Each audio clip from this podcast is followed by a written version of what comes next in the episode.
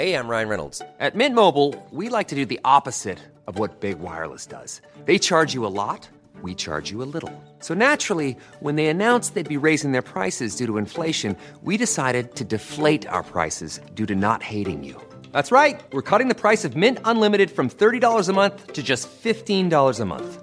Give it a try at mintmobile.com slash switch. $45 upfront for three months plus taxes and fees. Promo rate for new customers for limited time. Unlimited more than 40 gigabytes per month. Slows. Full terms at mintmobile.com.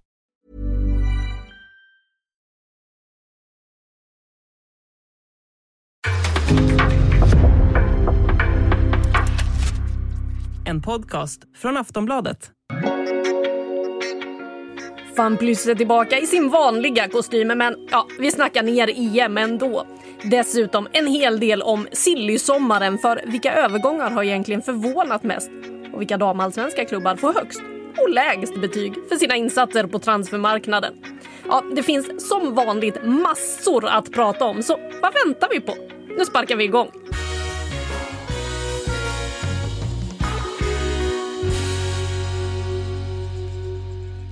Det är lite märkligt att vara tillbaka liksom, i en riktig studio igen, men det är vi ju i FanPlus som numera inte går med eh, suffixet EM-podden. Vi är tillbaka i verkligheten, även om vi kommer prata lite EM här idag också.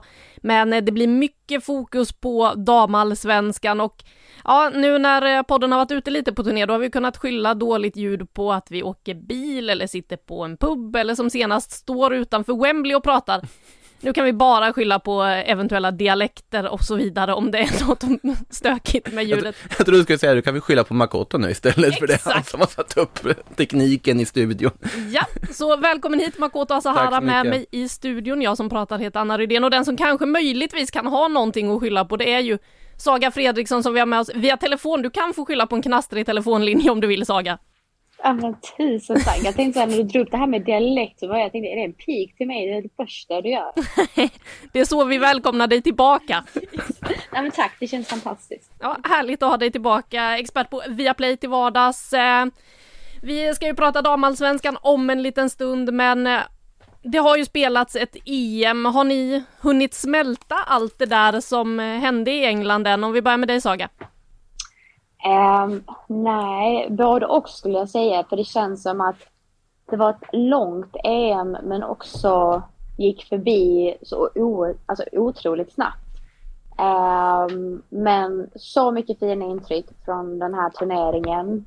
Ehm, vi kommer väl dyka lite mer i det men alltså jag blev mest imponerad på kvaliteten på de här olika landslagen. Ehm, jag har ju såklart följt er när ni har dissekerat Sverige och, och det har varit väldigt eh, intressant att lyssna på såklart. Men det har ju varit andra landslag som jag också tyckt varit otroligt intressant att följa. Till exempel Frankrike, nu tog de sig inte hela vägen. Men vilka spelare de har. Alltså Diani, det är Cascarino, det var Guerrero. Mina uttal nu, det kanske inte är den bästa franskan. Men det är, det är som kvalitet de här spelarna så jag, jag satt bara så här längtade till nästa franska match. Eh, även som svensk. Så att eh, väldigt, väldigt underhållande. Ja, det är ju många landslag som imponerar och man kan ju också imponeras av det som man ser sker inför hösten nu, eh, där bland annat då Frankrike kommer möta Tyskland. Det är en stor match som man ju ser fram emot i oktober. Och så då England som kanske kommer möta USA. Det beror på hur det går i det stundande VM-kvalet först, om den där matchen blir av eller inte. Högst troligt så blir det ju det, men eh, man säljer alltså i princip slut Wembley direkt igen när USA då ska komma på besök. Vad tänker du om eh, det, Makoto? Jag tänker att det, det går lite in på just det som jag tar med mig kanske främst från EMet, förutom då spelkvaliteten och dramatiken och allt vi fick se och eh, så är det just det här att om man bara tittar på hur folk bevakade mästerskapet och följde mästerskapet här hemma i Sverige.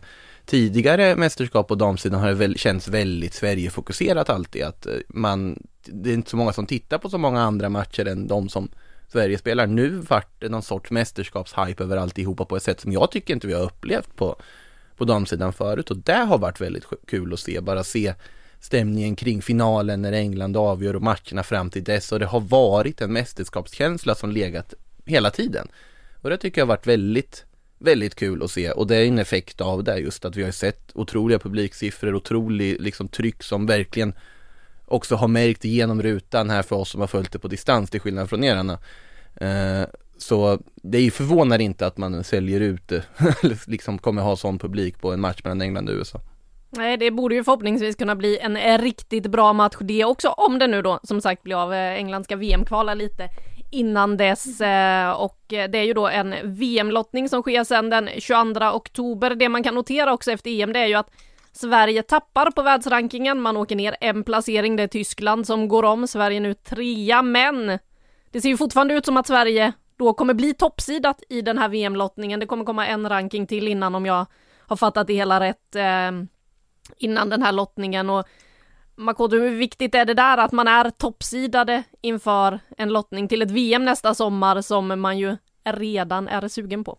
Det är ju jätteviktigt såklart, eller man ska, det ska vara en, ett grundkrav på något sätt, för den, den kravställningen ska vi ha på Sverige och det är väl det som är det som inte var lika roligt med mästerskapet. Jag tycker inte vi fick se Sverige komma upp i den nivån som man ska vänta sig av det här laget. Eh, för Sverige är så pass bra, det såg vi i OS, vi minns hur dominanta man var där. Det är den nivån som vi ska ha som kravbild på Sverige idag tycker jag. Det är samma trupp i princip, nästan med vissa förändringar som åkte till EM. Eh, så att, ja, de ska vara toppsidare och det, det ska liksom vara en ja, vardag för dem, tycker jag i det här läget. Och den nivån på landslag måste man hålla när man har spelare som spelar i de klubbar de gör. Och Saga, det här VMet då nästa sommar, det sänds ju på Viaplay. Hur taggad är du på ett mästerskap nästa sommar? Nej, men jag tror inte ni förstår hur taggad jag är. Alltså, jag, vet inte, man får vara mersmak nu när man såg EM. Man fick liksom följa det i periferin för att man liksom bara satt och slukade. Alltså, jag tittar på exakt alla matcher och alltså ja, man bara sitter och det bara kliar i kroppen. Jag vill bara att det här VM ska dra igång. Så det är klart att jag är oerhört taggad och eh, precis som Makoto säger så tycker jag inte att vi ser svenskarna i eh, en topprestation. Och vi ska ändå ha med oss att de vinner sin grupp och det är ett styrkebesked. Mm. Trots att man kanske inte maxpresterar, men att det finns mer att ta, att det finns sparkapital i liksom eh, kvalitet och spets i det här laget. Eh, det vet vi om. Så att jag tycker vi ska ha höga krav fortsatt. Sen ska vi aldrig glömma vår identitet. Eh, jag tror det var kanske lite där man föll, eller föll, men där det kanske inte riktigt eh, fäste sig i det här pusslet under, under EM var att man, man försökte kanske ta på sig en ny roll, eh, vilket jag egentligen inte har någonting emot, lite mer passningsorienterad, lite mer kreativt spel. Men man får inte glömma det som har tagit oss hela vägen tidigare, vilket är gediget försvarsspel och fina omställningar med kvalitet. Um, så det är väl kanske där man någonstans står och, och önskar att man ska kunna göra båda delar och, och kunna äga matcher, styra matcher på ett annat sätt, men ändå um, kunna briljera i de bitarna som har gjort att vi har varit uh, ett lag att räkna med över väldigt lång tid. Ja, och eh, som sagt, eh, det VMet spelas ju då nästa sommar inför lottningen, så håller jag också lite tummarna för att Sverige hamnar i de grupperna som kommer spelas på Nya Zeeland eftersom man i Australien aldrig är längre än 300 meter ifrån ett dödligt djur har jag fått lära mig från någon som hade varit på OS och fick det i sin säkerhetskurs att det man behöver veta där, det är att man aldrig är 300, mer än 300 meter från ett dödligt djur. Men eh, med det sagt så ska vi sluta prata landslaget för nu. Vi kommer nämna spelare som vi har sett under eh, sommarens EM såklart, för nu ska vi snacka silly-sommaren innan vi går på omstarten i damallsvenskan som ju börjar på riktigt till eh, helgen. IFK Kalmar Kristianstad har smygstartat. Vi kommer att nämna den också, men först silly-sommaren alltså och eh, ja men eh, Saga, vi kan väl börja med dig. Vilken transfer ute i Europa har förvånat dig mest? Um, jag ska inte säga förvånad, men det som ändå fick mig att lite fundera var väl faktiskt att Johanna Rytting Kaneryd hamnade i Chelsea.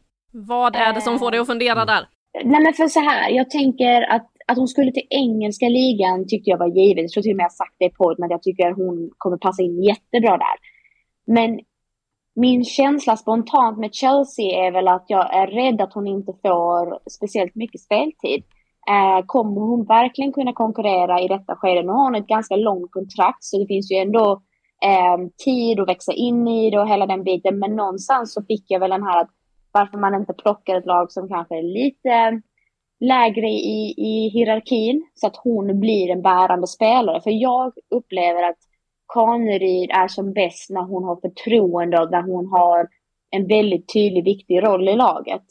Um, och jag är lite rädd att hon kommer försvinna bort bland Chelsea-spelarna. Jag hoppas inte det blir så, för jag är ju ett jättefan av, av hennes spelstil och tror dessutom att hon kommer växa upp enormt nu i, eh, i sin, nya, sin nya hemklubb. Men, men eh, ändå lite förvånad. Det är skitroligt på alla sätt och vis, men och jag hoppas bara att hon får tillräckligt med speltid. Eh, det hade varit trist annars. Alltså jag, jag håller med till viss del om att det kan vara så att hon kommer ha svårare att slå sig in i en startelva. Samtidigt känns det som att just den träningsmiljön och komma till en klubb som Chelsea med den kravbilden de har kan också göra väldigt gott att komma till en toppklubb där Alltså allting förutom en ligatitel är egentligen en misslyckande för Chelsea sett till vart de är i, i hierarkin i, i Super League. Eh, och sen såklart med drömmen om att ta sig hela vägen i Champions League framöver här också. Så jag tror den kravbilden och den kulturen de kommer till tror jag kommer göra väldigt gott. Sen absolut, jag tror inte de kommer starta sina första matcher. Men jag tror absolut det finns en möjlighet att slå sig in i ett lag på sikt i alla fall, samtidigt som det ju är extremt hård konkurrens såklart om platserna också i ett lag som Chelsea. Men, eh, men förvånad är väl kanske inte riktigt, men jag förstår vad du menar Saga om vi säger så med att man kanske hade velat se mer speltid, men jag tror ändå att träningsmiljön och kulturen den väger över här. Det jag tänker på lite i det här med är ju att Chelsea faktiskt inte spelar med ytterforwards på det sättet som mm. i den rollen man kanske hade velat se Johanna Rytting Kaneryd eh, och Emma Hayes Precis. är ju inte känd som en tränare som anpassar efter spelarna hon eh, värvar in. Alltså hon anpassar mm. inte ens efter en sån som Pernilla Harder när hon värvar in för att få ut max av en så sån stor spelare. Så att det får mig att fundera lite kring det här. Sen ska det ju bli väldigt, väldigt spännande att se Johanna i England. Alltså vi vet ju alla vad hon gjorde i damallsvenskan under våren. Hon måste väl varit en av seriens bästa spelare under vårsäsongen, eller vad säger du Saga? Jo, men utan tvekan. Och du säger någonting väldigt intressant tycker jag, Anna, för att just spelformationen i Chelsea, sällan man ser dem i en, en ytterfår, alltså med, med tre anfallare så att säga. Det, det, jag tittade på deras trender och den enda gången jag kunde komma fram till att de eventuellt skulle kunna få in en, en eh, konkurrerande Kanryd var när eh, Aaron Cuthbert spelar, de har ju om de har tre mittfältare till exempel, att hon skulle vara den man petar bort. Men, men jag ser liksom inte annars att man går in och plockar bort eh, en ytterback i Chelsea, eller en sån wingback, den positionen och sätter in kameror istället. Men som sagt, jag, jag förstår dig Makot också. Eh, såklart att det här är en fantastisk miljö. Jag tror alla spelare vill höra till i Chelsea. Så att, eh, för det anledningen är jag inte alls förvånad att hon sticker dit. Men just för att jag tycker att hon som spelare briljerar som mest då när hon eh, får ta ansvar, precis som du säger Anna. När hon blev en så otroligt viktig spelare i BK Häcken, då, eh, då lyser hon som starkast. Och det fick vi ju smaka på i, i våras. Så att, eh, ja, det blir spännande att följa i alla fall. Det finns ju både en fördel och nackdel med att hon har egenskaper som egentligen inte så många i den truppen har. Och har den liksom sticker ut på så sätt att hon kan komma in och förändra matchbilder. Jag skulle säga att det är lyckat även om hon gör i primärt inhopp och blir en för att använda Peter Gerhardssons språk, slutelvan-spelare, så är det fortfarande ett lag som Chelsea hon spelar i. Men absolut så finns det en farhåga i att hennes speltyp inte riktigt liksom finns i Emma formation, det har ni helt rätt i. Ja, och eh, vi får väl se då när Women's Super League drar igång eh, i mitten på september. Det är väl eh, premiärhelgen 10-11 september om jag minns rätt. Eh, det blir spännande att se. Vi har ju många svenska spelare som håller till i den ligan nu för tiden. Makoto, vilken transfer eh, ute i Europa skulle du säga då? Om du ska lyfta en som har skett den här sommaren, vilken lyfter du? Alltså det är ju svårt att uh, inte, att se förbi Lucy Brons flytt till Barcelona tycker jag. Den, absolut för hennes del också, det är ett nytt äventyr och det tror jag betyder mycket att gå till en klubb som Barcelona. Men också den, jag vet inte om man ska kalla det spelarflykt, men det är väldigt många profilerade spelare som alltså brittiska profilerade spelare som väljer att gå söderut i Europa. Det är någonting jag noterat under det här fönstret. Georgia Stanway som flyttar till Bayern München, inte jättelångt söderut men likväl en annan liga. Eh, Caroline Weir som flyttar till Real Madrid, här också blir ersättare till Kosovare Aslani. Den trenden tycker jag är väldigt intressant att eh, att det sker så pass tidigt på liksom de, Om man jämför med liksom herrsidan så de brittiska spelarna de, de flyttar ju aldrig från Premier League, de stannade kvar där och hela engelska landslaget bestod av spelare från Premier League. Sen har ju det öppnat upp väldigt mycket på senare år, men här har det skett mycket tidigare. Jag tycker det är en väldigt kul utveckling att man vågar ta steget att flytta till andra ligor och jag tror också att det, det, är bra för alltså VSLs självbild också att se stora stjärnor. Man ser att oj, det är attraktivt för dem att gå till andra ligor också. Att då måste man satsa ännu mer för att behålla all kvalitet också i, i England. Så nej, de övergångarna tycker jag är väldigt intressanta. Ja, vad tänker du kring den eh, flytten eh, Saga och att eh, engelska spelare faktiskt också lämnar WSL? Vi pratar ju väldigt mycket om den som den framtida ligan och att det finns mycket där att göra men man ser alltså profiler som lämnar. Jag menar att det är egentligen det mest naturliga eller det är så jag anser att det ska vara. Mm. För att vi, vi är alltid så oroliga när spelare lämnar svenska ligan men det kommer också till spelare som vi säkert kommer beröra här snart också. Um, och på samma sätt så ska det ju fungera i, i alla ligorna i, i världen för då helt plötsligt öppnar det upp sig och vi kan börja konkurrera och vi kan det händer lite och det är inte bara att man eh, bunkrar in alla stjärnorna i några ligor och, och liksom nöjer sig där utan det ska vara rörelse. Sen kommer det alltid finnas länder som har starkare, eh, ja men stora budgetar och, och kunna liksom underhålla de här stjärnorna. Men men jag tycker det är otroligt hälsosamt att eh, det har öppnat upp sig och eh, ser det som det mest naturliga egentligen. Um, sen såklart så vill vi ju inte tappa våra, våra superstjärnor som vi har i vår liga i damallsvenskan, men samtidigt, vi har ju också fått hem ett par här nu som är, det, det, det går liksom så, ebb and flow hela tiden, det kommer och går och det är så det ska Ja, vi kommer komma in på det svenska fönstret alldeles strax, men innan vi lämnar Europa här och där alltså ligorna startar lite senare. De ska ju dra igång igen medan svensk, ja, damallsvenskan bara startar om efter eh, det här sommaruppehållet. Men en eh, övergång som vi inte har pratat så jättemycket om i podden ändå.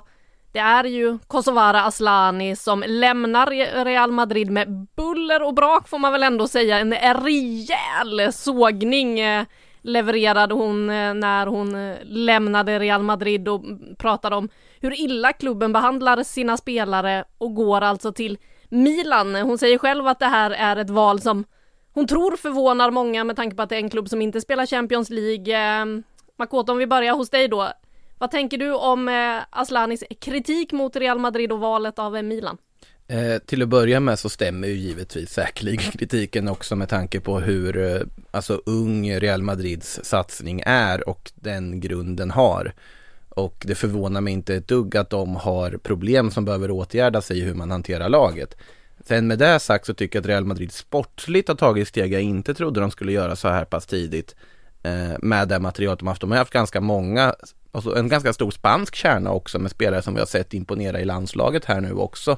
Landslaget är inte bara fyllt av tio Barcelona-spelare och möjligtvis någon mer, någon mer, utan det finns spelare från Real Madrid, Atletico Madrid och andra klubbar, Real Sociedad som, som har viktiga roller i det här laget. Och det tycker jag är väldigt kul utveckling för den spanska fotbollens del. Sen har Real Madrid mycket att åtgärda, absolut.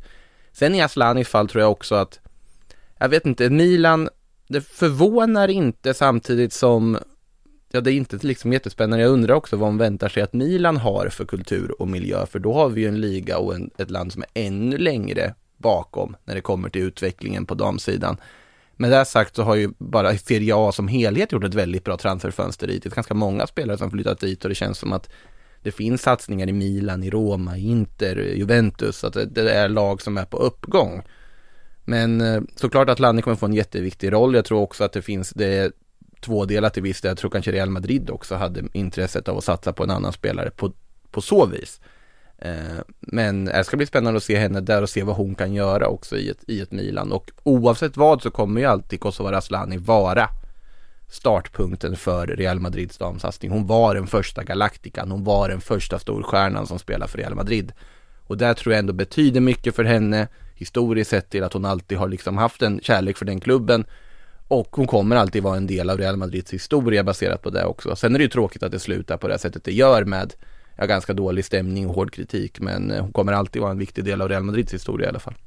Jag tyckte det var roligt när vi hade ju en eh, chatt med eh, Aslani inför eh, EM och eh, där då läsare fick ställa sina frågor där det bland annat kom en fråga om hon inte skulle gå till Premier League någon gång. Eh, hon noterade ju då på klassiskt Aslani-vis att eh, Premier League det är ju herrarnas liga och jag har redan varit i City, jag har vunnit i princip allt, vad ska jag dit och göra igen? ungefär så. Hon har ju radat av storklubb efter storklubb. Hon har ändå Mm. City på CV, hon har PSG, hon har Real Madrid. Nu kan hon lägga till Milan. Vad tror du? Hur kommer Italien passa henne, Saga?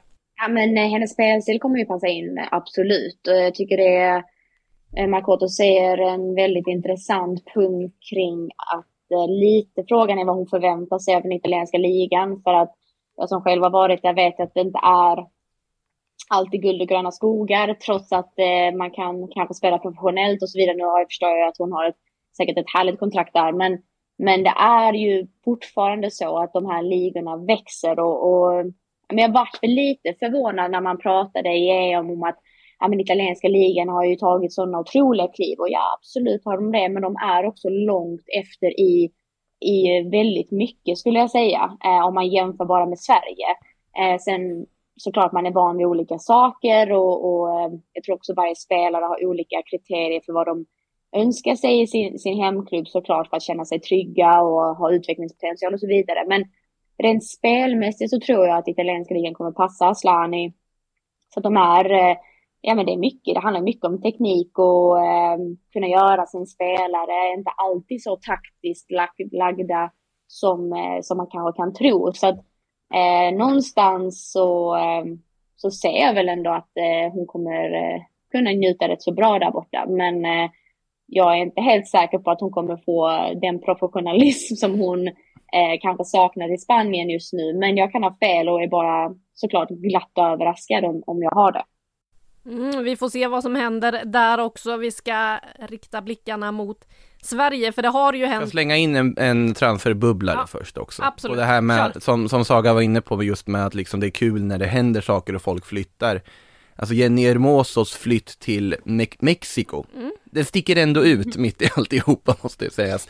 Eh, det, det, på, liksom Aslanis flytt var ju väldigt väntad om man jämför med det draget. Vi får se vad det innebär om det ger någon lyft för mexikanska ligan. Det hade varit kul om det blir globalt också, för det är väl lite det som saknas på de sidan också, att vi får en stark japansk liga, en stark amerikansk liga, en stark mexikansk liga, men det, där är vi en bit ifrån kanske. Ja, där eh, finns det fortfarande att jobba på och eh, ja, det är absolut en ögonhöjare. Amerikanska i och för sig väldigt hög kvalitet ska vi läggas till också i sammanhanget. Ja, den tillhör väl en av dem som satsar, även om det går i Den vågor första som, där ja, också. Så är det. Eh, huruvida de satsar på sin ligafotboll och inte. Men ja, vi eh, tar och blickar mot Sverige då, för det har ju hänt en hel del här och Saga, enligt dig, vilka har gjort det bästa transferfönstret i damallsvenskan den här sommaren? Oj, ehm, ja du, jag har försökt att eh, skumma ner exakt alla som har gått eh, kors och tvärs och det har ju gått lite sämre sådär. Men, men jag får nog säga, jag- jag ska vara lite, tänka utifrån eh, liksom position i tabellen. Och utgår jag från det så måste jag säga att Kalmar har gjort en ganska intressant värvning. Eh, ett par stycken bra värvningar. Som eh, dels, jag såg ju nu till helgen, eh, vi smygstartar ju damallsvenskan. Eh, Patricia Fischerova. Wow, vilken mittback de har fått in. Det lägger jag bara lite där, ska vi prata mer om det sen. Ja, Men ehm, annars får man ju ändå säga att ehm, BK Häcken får in lite intressanta spelare. Eh, dels eh, Dora Seller från Ungern, offensiv kraft. Eh, man får in mittbacken från Australien, Avi Louis. Nu säger jag kanske inte hennes namn exemplariskt heller. Ehm, och sen tillbaka från skada, Aisha Masaka som vi faktiskt har väntat rätt mycket på. Så trots att man tappat Kaneryd så har man ju också fyllt på något enormt i BK Häcken. Anna Anvegård, hallå, du kan inte glömma att det är hennes namn. jag började undra bara, hur mår du Ja, men Saga? Anna Sandberg från Örebro kommer dit, en av de bästa ytterbackarna enligt mig i damallsvenskan. Går till BK Häcken, fantastiskt lyft. Alltså jag känner så här, BK Häcken har täppt igen ett par hål här nu som man kanske då har kliat sig i tidigare och undrat mm, hur tänker ni här? Jag tycker de har gett svar på tal på ganska mycket av det. Um, och sen har det ju hänt en hel del i Rosengård också, men för att jag inte ska rädda upp allting som har hänt i damallsvenskan just nu så, så tar jag en liten mini-break och säger att jag tycker BK Häcken har gjort ett fint fönster och i bottenstriden så har Kalmar fyllt på, men även Umeå, Ellen Champi, Champi, Champi. Där har vi det, Champi. Um, jättesmart att- att hon flyttat till Umeå. jag väntar på att hon ska få spela och Umeå behöver förstärkning i bottenstriden. Så där har vi också en, eh, ett bra flytt tycker jag. Ja, vad säger du Makoto? Nu har ju Saga radat upp här. Har du något att tillägga? Alltså att eh, Häckens fönster är imponerande, men det är också ett fönster som väldigt tydligt följer samma alltså metod som Häcken har tydligt satt upp tycker jag. Med att värva ungt om det så är att värva de intressantaste talangerna inom serien och också betala det som krävs. Det gjorde man ju med Rosa Kafaji, tyvärr så blev ju hon skadad. Extremt tråkigt om blev det i början av säsongen. Nu värvar man in Anna Sandberg som också är liksom en av de absolut mest talangfulla spelarna i serien från en, från en konkurrent på liksom längre ner i tabellen och betala ganska rejält för det för att vara en, för att vara en klubb i damallsvenskan. Det är tydligt att man har det här som en strategi att om man ser en supertalang då plockar man den och då får det kosta för att det här Häcken har blivit ett väldigt naturligt mellansteg för många. Titta på liksom Josefin Rybring, Rybring som har flyttat dit också, det är också tydligt mellansteg kanske mot något ännu större utomlands framöver. Men också att du hittar de här talangerna som Seller, som Loic som, som nämns här också utomlands. Och ja, jag ska också nämna Anna Anvegård eh, som är en fantastisk värvning på alla sätt och vis för dem. De behöver ju den spelaren och det är en perfekt ersättare till sina Blackstenius, en spelare de har saknat tycker jag under säsongen hittills. Eh, sen måste jag väl också nämna det som händer i Stockholm, alltså hemvändarna, Jonna Andersson till Hammarby, så Hammarby som dessutom plockar in en dansk landslagsback i eh, Boje Sörensen här, Djurgården som alltså värvar Hedvig Lindahl. Eh, det är ju en, det är en extremt, eh, extrem profilvärvning och jag tycker de värvar smart också med Bahed som kommer in. Eh, så det har skett bra grejer i två av tre Stockholmsklubbar kan man väl säga den här sommaren. Ja, vi kan väl säga att BP också är en Stockholmsklubb va? Jo, jo, givetvis. Okej, det har, det har väl, sen BP har väl kanske inte värvat samma profilstarka spelare och bra att du poängterar det. Nej, och kommer det kanske inte heller nämna senare under det svagare fönstret som den eh, sista klubben som vi inte har Så nämnt är än är, eh, vi kommer givetvis att komma in på AIK, men eh, på Hammarby kan man ju också notera att eh, Kyra Cooney Cross är tillbaka och spelar och framförallt Elise Kellond Knight som ju har varit långtidsskadad har äntligen kunnat göra matchminuter så att man får ju in det är en del klubbar som får tillbaka spelare som man lite kan se som nyförvärv ändå för att de har varit borta så väldigt, väldigt de länge. De har ett australiensiskt sparkapital i Hammarby som suttit och, alltså, ja, Elise Kellen Knight har varit sparkapital i, jag vet inte hur länge nu. Eh, ja, Honey Cross kom in för säsongen och hade ju en tuff start med skadan, men såklart det är ju också jätteförstärkningar för dem. Vad tänker du kring eh, Stockholmsklubbarna här Saga som vi har nämnt i Djurgården och eh, Hammarby? Nej men framförallt eh, att Hammarby egentligen Eh, ja, men precis som ni säger, de, de, har haft de här spelarna som bara legat och bubblat och man väntar på att de ska komma in och kunna, kunna påverka. Så att jag tror att vi kommer se en höst där vi kan börja räkna med Hammarby på ett helt annat sätt, där de hade en rätt så, en upphämtning helt enkelt i våras. Där jag, jag kände ändå så här, ah, okej, okay, men det finns fortfarande potential att det, det svänger lite här. Så att det, det är bara positivt. Tittar man mot Djurgården det som Djurgården faktiskt har behövt är ju kanske då ytterligare en, eh, en tung spelare då. Få in eh, Hedvig är ju, ja men det, så här, jag ska inte säga att det, det kändes lite avigt men samtidigt så rätt. Alltså det kändes som att, att ja, men det här, det är klart att hon ska komma in och förstärka Djurgården på något sätt. Um, men sen samtidigt, även när Ebba Hed, uh, eh, där får de in ytterligare styrka för Hon kan ju spela både ytterback eller ytterfältare och har en jättefin fot som, eh, som kan vara otroligt viktig för, för Djurgården. Så jag, jag ser nog någonstans att även där man har varit väldigt smart att få in lite förstärkningar som för att vässa till det helt enkelt. Så att uh, absolut. Uh, sen ska vi ju, ja ni nämnde BP lite kort där, men uh, de har ju fått in det de kanske behövde allra mest och det är ju en målvakt. Uh, Maddie Talbot från, mm. från USA. Så att Eh, jag vet att det har varit efterlängtat för dem när de tappade sin, sin nya för, för, um, för året ganska tidigt där med knäskadan och, och, nu har man då fått in en ersättare där så att eh, det har nog legat och eh, väntat i klubben och nu har de fått in en. Det är ju ändå skönt för BP och för våra tabelltips eh, Saga så kanske det är bra att Hammarby har förstärkt lite eller vad tror du? Eh, ja, ja, det kan man nog säga. det är nog, gäller nog för alla våra tabelltips tror jag. Ja, vi är väl de som har varit mest positiva just där kanske. Om vi då ska släppa eh, de som har gjort det bra därhän och gå in på de som har gjort det lite sämre. Vilka tycker du har misslyckats i det här fönstret eller inte levt upp till dina förväntningar, Saga? Jag ska börja i en omvänd ordning här. Ja, kör! Jag vill ju inte säga det självklara, men jag säger först och främst Örebro. Mm. Eh, vad händer i Örebro? Är det någon, alltså det, det, man tappar Hellström, man tappar Sandberg. Eh, det är ingenting, alltså jag, det känns inte som att man fått den där rubriken som kanske behövdes för att Örebro ska liksom verkligen vara en kraft att räkna med. Så jag blir lite orolig för dem nu till hösten. Eh, det är bara en känsla. Eh, men jag tycker man tappar väldigt två viktiga spelare som jag inte är helt säker på att man har ersatt. Eh, sen AIK. Alltså, herregud AIK. Eh, hur tappar man Davison på det sättet man gör? Eh, tappar en kapten, en ledare. Eh, liksom man har haft uttalanden kring att man inte ens hade fått se henne i spel i höst. Men nu har gått in till Rangers och redan gjort debut som jag har förstått det. Jajamän, hon var med i 14-0 segern för Rangers del. Både hon och Jenny Danielsson rakt in i startelvan. Och det Målprotokollet också? Inte i målprotokollet vad jag kunde nej. hitta. Aj, aj. Nej. För mig är det en gåta hur, hur man har hanterat det här. Sen kan jag förstå Davison om hon är så trött på läget att hon, hon vill därifrån till var, varje pris. Um, för övrigt kommer hon bli um, lagkamrat med Dina Orschman tysk spelare som jag spelar i USA med. Men eh, det är också en transfer som är lite rolig att hon hamnar där. Liten fotbollsvärld. Men jag, jag förstår inte hur man hanterat det. Tappar man Davison då, då vet jag liksom inte. Då har man tappat lite en eh, kugge i eh, truppen.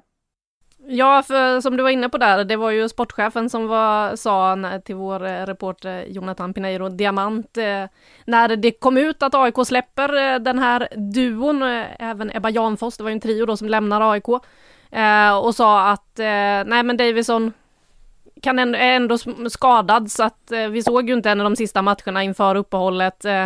Så nej men hon kommer inte kunna tillföra så mycket, sitter på ett utgående kontrakt. Därför kan vi lika gärna släppa henne nu. Medan man vid senare tillfällen när då Davison var presenterad tror jag för Rangers eh, så kom det att nej men lite småskadad var hon nog, verkade komma från tränarhåll då.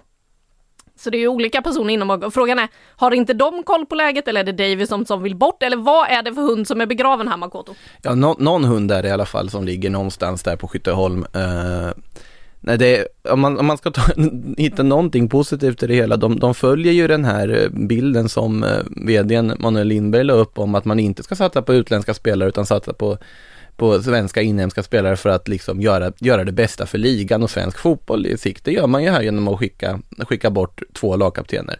Utan tvekan eftersom att det inte är svenska spelare det rör sig om. Men sportsligt sett, sett i vart de ligger i tabellen, nu absolut, det verkade inte funka helt perfekt med Jenny Danielsson och den nya ledningen. Det var ju, det rådde ju ingen tvekan om det, det kan man ju läsa om också hos, hos oss, eh, vår kollega Andreas Käck som pratat med eh, berörda parter. Eh, och Hanna Davison som sagt var ju borta på någon skada och så vidare och, oavsett om vi inte riktigt vet hur skadad hon faktiskt var eh, och vad som egentligen var anledningen. Men det är ju oroväckande, så, så är det ju. Sen om man försöker hitta någonting positivt också, Emma Engström, det är en bra värvning. Nora Rönnfors som verkar vara på väg tillbaka här också. Jag såg på Såg att, vad heter det, Honoka Hayashi som kanske är den enda som verkar fortfarande gå omkring och vara glad där i AIK-lägret. Var väldigt glad att Nora Rönnfors var tillbaka i alla fall och skulle, skulle spela här nu såg jag på sociala medier. Ja hon var väl med eh. mot KIF Örebro om jag inte minns fel här i matchen senast. Till och med det också ja, så att eh, nej men det är så svårt att analysera vad AIK gör men de sitter i ett riktigt prekärt läge. Och jag, jag ser ju ganska stora bekymmer om de skulle åka ner till elitettan med tanke på att vi inte, vi har fyra Stockholmslag där uppe. Eh, de, de behöver hålla sig kvar för att kunna bygga någon form av förtroendeingivande satsning. Hammarby, det har vi pratat om hur mycket som helst i positiva ordalag i den här podden och i andra poddar. Djurgården tycker jag verkligen tar steg i rätt riktning nu. Eh, Hedvig Lindholm var kortsiktigt men det är en, det är en kulturbärare, det är någon som kommer sätta en standard, som vet vad det handlar om, som kommer att göra den klubben otroligt mycket bättre och sätta krav och så vidare. Eh, supervärvning på alla sätt tycker jag för vart Djurgården är idag när de vill bygga någonting. Vad har AIK just nu? Eh, det känns som att det går i helt fel riktning. Eh, absolut finns många unga lovande spelare som får väldigt många värdefulla matchminuter i damallsvenska sammanhang. Men det är AIK, det ska finnas en kravbild på att du ska åtminstone hålla dig kvar för att kunna fortsätta bygga vidare och inte tappa mark mot de två värsta konkurrenterna som de gör just nu. Mm, vi får väl se hur det går för AIK när det startar om till helgen. Eh, Piteå borta är ingen lätt match att eh, starta den här hösten med. Men eh, fönstren här, vi har ju noterat lite spelare som har kommit tillbaka som eh, Nora Rönnfors. Vi kan ju notera att eh, Fredrike Törgesen i Rosengård gjorde sin första match nu under uppehållet. De fick ju också tillbaka Fiona Brown precis innan uppehållet så att även om de kanske då inte har värvat allting så har de också fått tillbaka en del från skadelistan och eh, det kan man ju också räkna in som lite nyförvärv. Och tappat en del också. Om man tar Katrine Weije. Katrine Weije är redan out. Vi har ju också avslöjat att det finns bud på Jelena Cankovic, intresse från både Arsenal och Chelsea och ja, Saga, tror du vi ser henne mer i damallsvenskan? Oh, det är en så svår fråga. eh, så här, ja, det, det förvånar mig verkligen mindre om eh, Cankovic lämnar. Det gör det. Jag, jag tycker eh, hon är snäppen för, för bra eh, för damallsvenskan egentligen. Um, så det hade inte förvånat mig uh, alls. Däremot, ni nämner Veje, det är ju tapp samtidigt. Är hon inte...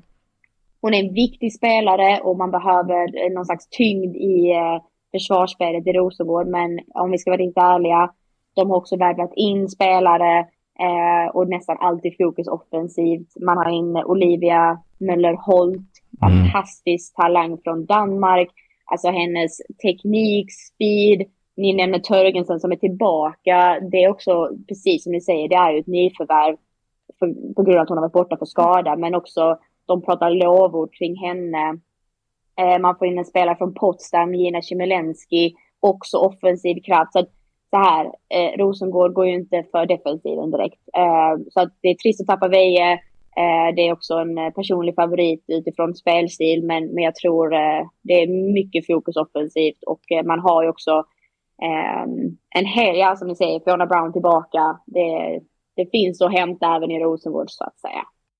Det gör det och eh, de ska ju in i Champions League, det är målbilden, eh, för det drar ju också igång här snart först ut eh, Kristianstad till nästa helg som kliver in då i den första delen av gruppspelet. Tuff start för Kristianstad med Ajax i den första. Det kommer vi prata mer om i nästa vecka inför den där matchen. Vi kan även notera bara innan vi lämnar det här att vi ju också har en del spelare som lägger av så här mitt i säsongen. Emma Åberg Singmark eh, i Umeå.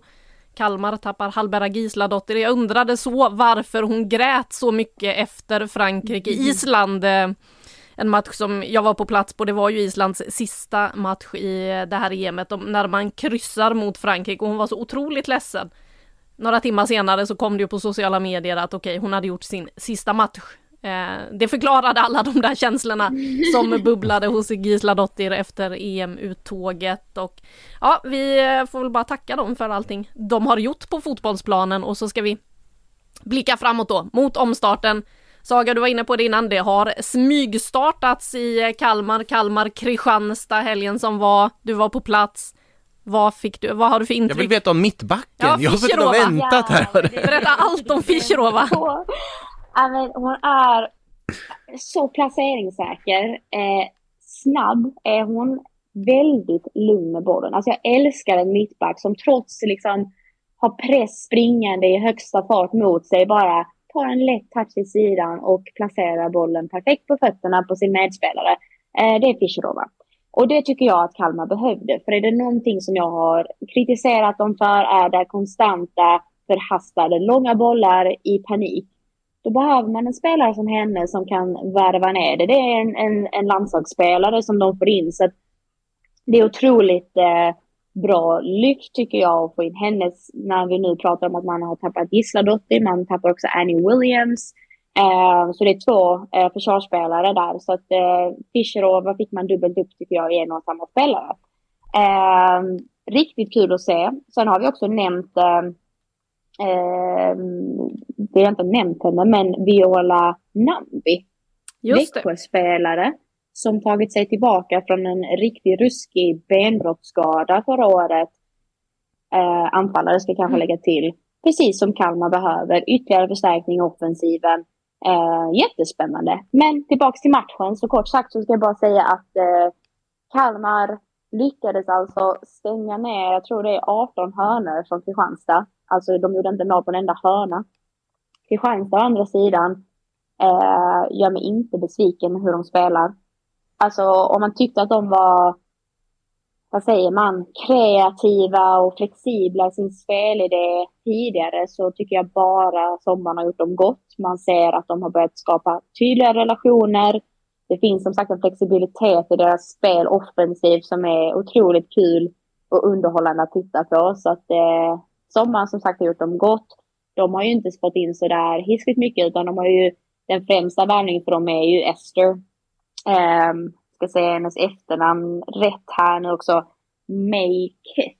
Också en mittback som ska ha fina fötter och bra liksom, blick för att bryta boll. Så att, um, spännande där. Men matchen i sig ganska förväntad. Kristianstad gör eh, det Kristianstad är bra på och Kalmar försöker stänga, eh, gör ett par individuella misstag som leder till de här målen. Så det var inte någon eh, 4-0 överkörning som första match. Nej, och Kristianstad är ju ett lag vi kanske har pratat eh, lite lite om i podden ändå med tanke på hur bra de ändå går. Vi fastnar lätt på storklubbarna Rosengård och Häcken och att det stormar runt Stockholmsklubbarna men eh, Kristianstad, det känns eh, som att de hittar rätt och vi nämnde ju dem inte här under eh, när vi snackade transfers för det har inte hänt så mycket där men det kanske var det bästa som kunde hända för dem. Ja, alltså sorry Makot, jag hoppar in här direkt men jag tycker det. Uh, för att någonstans så det man ser där är snarare, i början av året så var vi nästan lite oroliga att det var så många som hade lämnat mm. och så pass många in och hur skulle det här kemin mellan spelarna sätta sig? Det gick ändå förvånansvärt bra. Det tog lite tid i början. Man spelade bra, man fick inte med sig resultaten. Sen började resultaten komma och nu ser vi också prestation tillsammans med resultat. Så att, Kristianstad har haft en långsiktig plan, det känns som att det, vi får facit på det nu, att det har de absolut haft. Eh, man har fått in spelartyper som passar spelidén och som också köpt in på spelidén. Så att eh, ett, ett Kristianstad som jag anser är bättre än förra året och det tyckte jag de var bra förra året. Så att det är jätteroligt att se och också därav tror jag inte man har haft behovet att, att få in speciellt mycket folk utan förstärker bara en aning på mittbacken så man kan få ut eh, Carl på, eh, på wingback lite oftare. Eh, hon har ju fått vikariera som central mittback där ett par gånger för hennes snabbhet. Nu får man istället flytta ut henne så hon kan springa fritt på vänsterkanten och slå sina inlägg.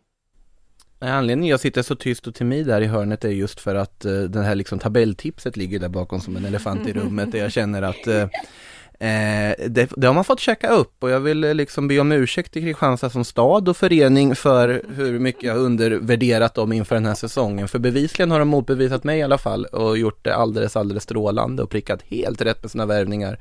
Och såklart de ska ha en tyst sommar för att de har ett Champions League-spel som väntar, de har något väldigt bra på gång och ja men titta liksom på värvningen av Tabby Tindell, vad den har gett liksom Evelyn Wins där, alltså det finns, det finns så mycket kvalitet i det här laget som vi har sett under våren och säsongen hittills så att, är det bara hatten av. Ja, vi ser fram emot, eh, det är kanske en av eh, de mest spännande matcherna den kommande omgången också, ett härligt Skånederby som jag misstänker att du är ganska taggad på saga med Kristianstad mot Vittsjö. Nej men alltså så taggad hörni. det förvånar mig inte det minsta faktiskt. Det är väldigt right up your alley att eh, den kommer här nu. Eh, Kristianstad-Vittsjö alltså som eh, spelas redan på fredag men ett annat lag som vi inte heller nu har eh, nämnt där jag trodde det skulle hända mer i sommar än vad det har gjort som också kanske är ganska nöjda och kunna gå under radarn är ju Linköping som har haft eh, en väldigt, väldigt fin vår där det har känts som att ja men det har pratats lite om att spelarna kanske kan försvinna under sommaren. Nu ska vi se.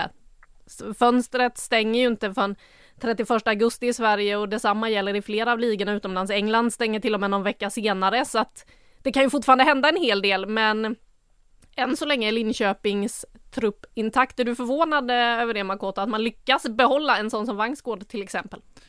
Ja, alltså de de har tappade ju Bregård, ska vi komma ihåg också i, i våras där. Det är väl ganska skönt för dem att det är tyst som det är. Det jag tycker de borde fokusera på det är att eh, hjälpa Honoka till Östergötland istället så att de får återförenas med sina japanska lagkamrater. Eh, det, det, är väl känslan jag tycker de borde jobba med men i alla fall överlag annars Linköping har också gjort en fantastisk säsong. Tycker de har fått någonting väldigt bra på plats där med Jägler som tränare som fått till ett väldigt bra spel och bra material, bra trupp, bra scoutade värvningar. Eh, de tror jag också kommer att vara med och tampas om den där eh, Champions League-platserna hela vägen in i kaklet. Sen om det räcker får vi väl se. Men eh, jag tycker de har inte heller någon anledning att göra några förändringar. Nej, jag har ju fått in Michel de Jong under... Och det är ju ingen dålig värvning heller ska ju sägas också så att lite har de gjort. Ja, lite har de gjort och än så länge inte tappat någonting. Där har vi ju varit inne på KIF Örebro till exempel som då sålt Anna Sandberg och Jenna Hellström. Kanske då bland annat på grund av den dåliga ekonomin i klubben. Man har ju varit öppna med det att eh, man behöver ha in pengar. Då kanske man tvingas sälja en sån som Anna Sandberg. Men vi har ju också Eskilstuna som eh, är ett topplag i den här serien, men utanför planen så har de ju stora, stora ekonomiska problem. Måste dra in tre miljoner innan augusti är slut för att eh, elitlicensen inte ska ryka. Saga, vad tänker du om läget i Eskilstuna och det som sker där? Jag tycker det var ont i magen när jag såg rubrikerna. Alltså, tänk att få in tre mille på innan augusti är slut och allt jag kan säkert tänka på är de här stackars spelarna, organisationen, alla som brinner för det. Eskilstuna som är så tydliga med sin vision över liksom vad man står för och vad man vill eh, skapa för liksom, eh, vad säger man, vågor på vattnet eh, när det kommer till samhällsprojekt och så vidare.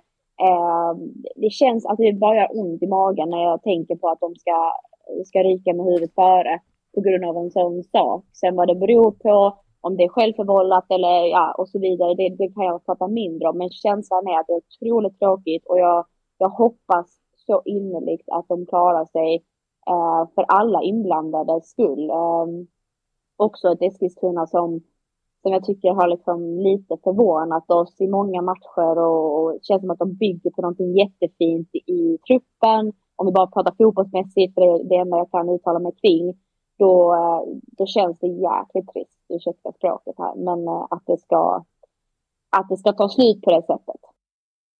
Ja, vad tänker du kring situationen Makoto? Att alltså just det här med eh, mörka rubriker om ekonomi är något som vi har sett förut. Uh, Sen, sen är det ju väldigt mörka rubriker just nu för Eskilstuna.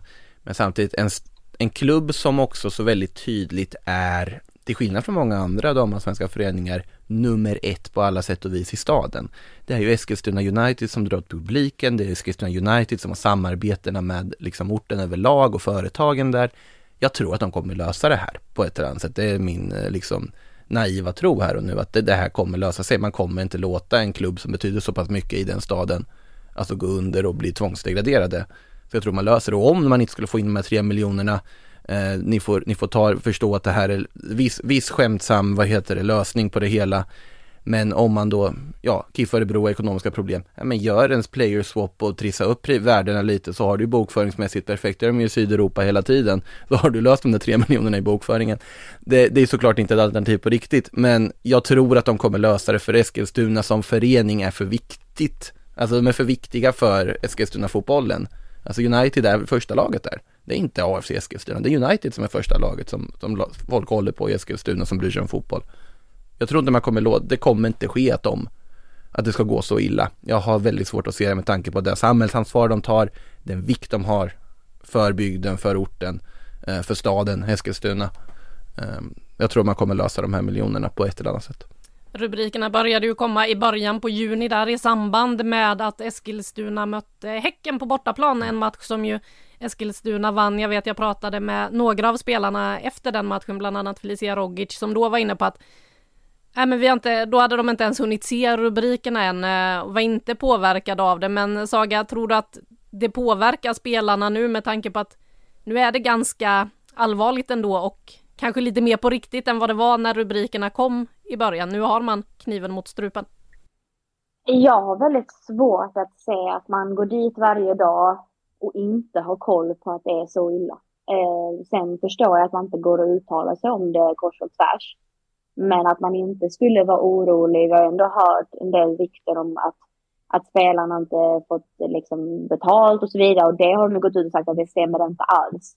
Um, så det är ju bara positivt såklart att höra att det inte stämmer. Men, men samtidigt att, att man inte vet om liksom situationen, att man inte känner av den i klubben. För som tycker jag man kan liksom ta på stämningen när man, man går i sin förening och man känner att hmm, det är någonting som kokar här. Uh, det är väldigt svårt att säga att man inte har noterat det innan, innan det går ut i pressarna.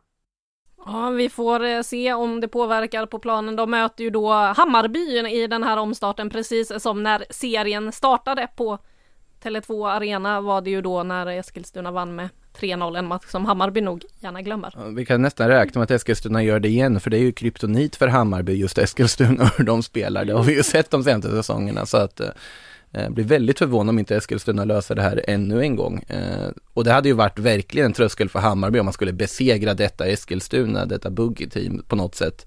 Eh, spelmässiga buggy-team för Hammarby, då, då kan man, då är allt möjligt för Hammarby efter det. Ja, vi får väl se Saga. Vad ser du fram emot eh, nu när det startar om på riktigt då? Menar du liksom matcher eller? Ja, allmänt. Du får välja precis vad du vill. Kristianstad-Vittsjö. ja, men exakt. Jag tänkte säga det. Nej, eh, det har jag redan uttryckt min entusiasm till. Eh, nej, men nu kommer ju slutracet. Det är ju det man... Det skulle jag ju se nyförvärven. Hur, de, hur snabbt kan de anpassa sig till spelidéer, laget hur, liksom, hur mycket tryck kan de få från det? Eh, jag vill se sluttampen. Förra året var det otroligt tajt. Vem skulle bli trea? Nu blev det Kristianstad till slut. Det är hur kul som helst. Det är det här som är typ det bästa på en hel säsong. Att det är kaos i slutet och man vet inte hur det slutar. För det är damallsvenskan. Så jag är grymt taggad på det. Eh, lite dramatik. Jag älskar dramatik. Lite skrällar man vill ju veta hur mycket det kommer storma i Häcken om de skulle stanna på den här positionen som de är just nu i tabellen. Eh, med tanke på den klubbens ambitioner. Nu har som sagt, de har ju värvat fantastiskt under det här fönstret, tycker jag gjort ett superfönster, men nu måste det också omvandlas till segrar och poäng och eh, plockade placeringar i tabellen och liksom bra spel på planen. Och det är inte alltid en lätt ekvation att göra. Nej, vi har ju pratat nyförvärv där, men jag glömde ju nämna där också att jag tycker att det är starkt av dem att förlänga med en sån som Filippa Kurmark eh, som ändå är en ledargestalt i den där klubben och behålla henne på hissingen framöver. Eh, det är ju också lite av en statement-grej från Häcken att visa var man står i hierarkin. Eh. Verkligen. Eh, men med det sagt så ska vi väl ta och tacka för den här veckan. Vi är givetvis tillbaka nästa vecka men först ska vi dela ut 5 plus och det ger vi helt enkelt till att det börjar om igen. Omstarten, mm. det här kaoset som Saga ser fram emot, dramatiken. Vi får se vad serien bjuder på under hösten. Men eh, kul kommer det bli och eh, tack Makoto för att du var med här i studion. Tack själv. Tack Saga för att du var med på telefon från Malmö. Hoppas vi ses snart. Det hoppas jag med. Ute på de damallsvenska arenorna och eh, Framförallt tusen tack till dig som har lyssnat hela vägen. Har du några tips, idéer, vad du vill höra mer eller mindre av, bara hör av dig så hörs vi igen nästa vecka. Hej, jag Ryan Reynolds. Recently, I asked Mint Mobiles legal team if big wireless companies are allowed to raise prices due to inflation. They said yes. And then when I asked if raising prices technically violates those onerous two-year contracts, they said, what the f*** are you talking about, you insane Hollywood ass?" So to recap, we're cutting the price of Mint Unlimited from $30 a month to just $15 a month. Give it a try at mintmobile.com slash switch. $45 up front for three months plus taxes and fees. Promo for new customers for limited time. Unlimited more than 40 gigabytes per month. Slows. Full terms at mintmobile.com.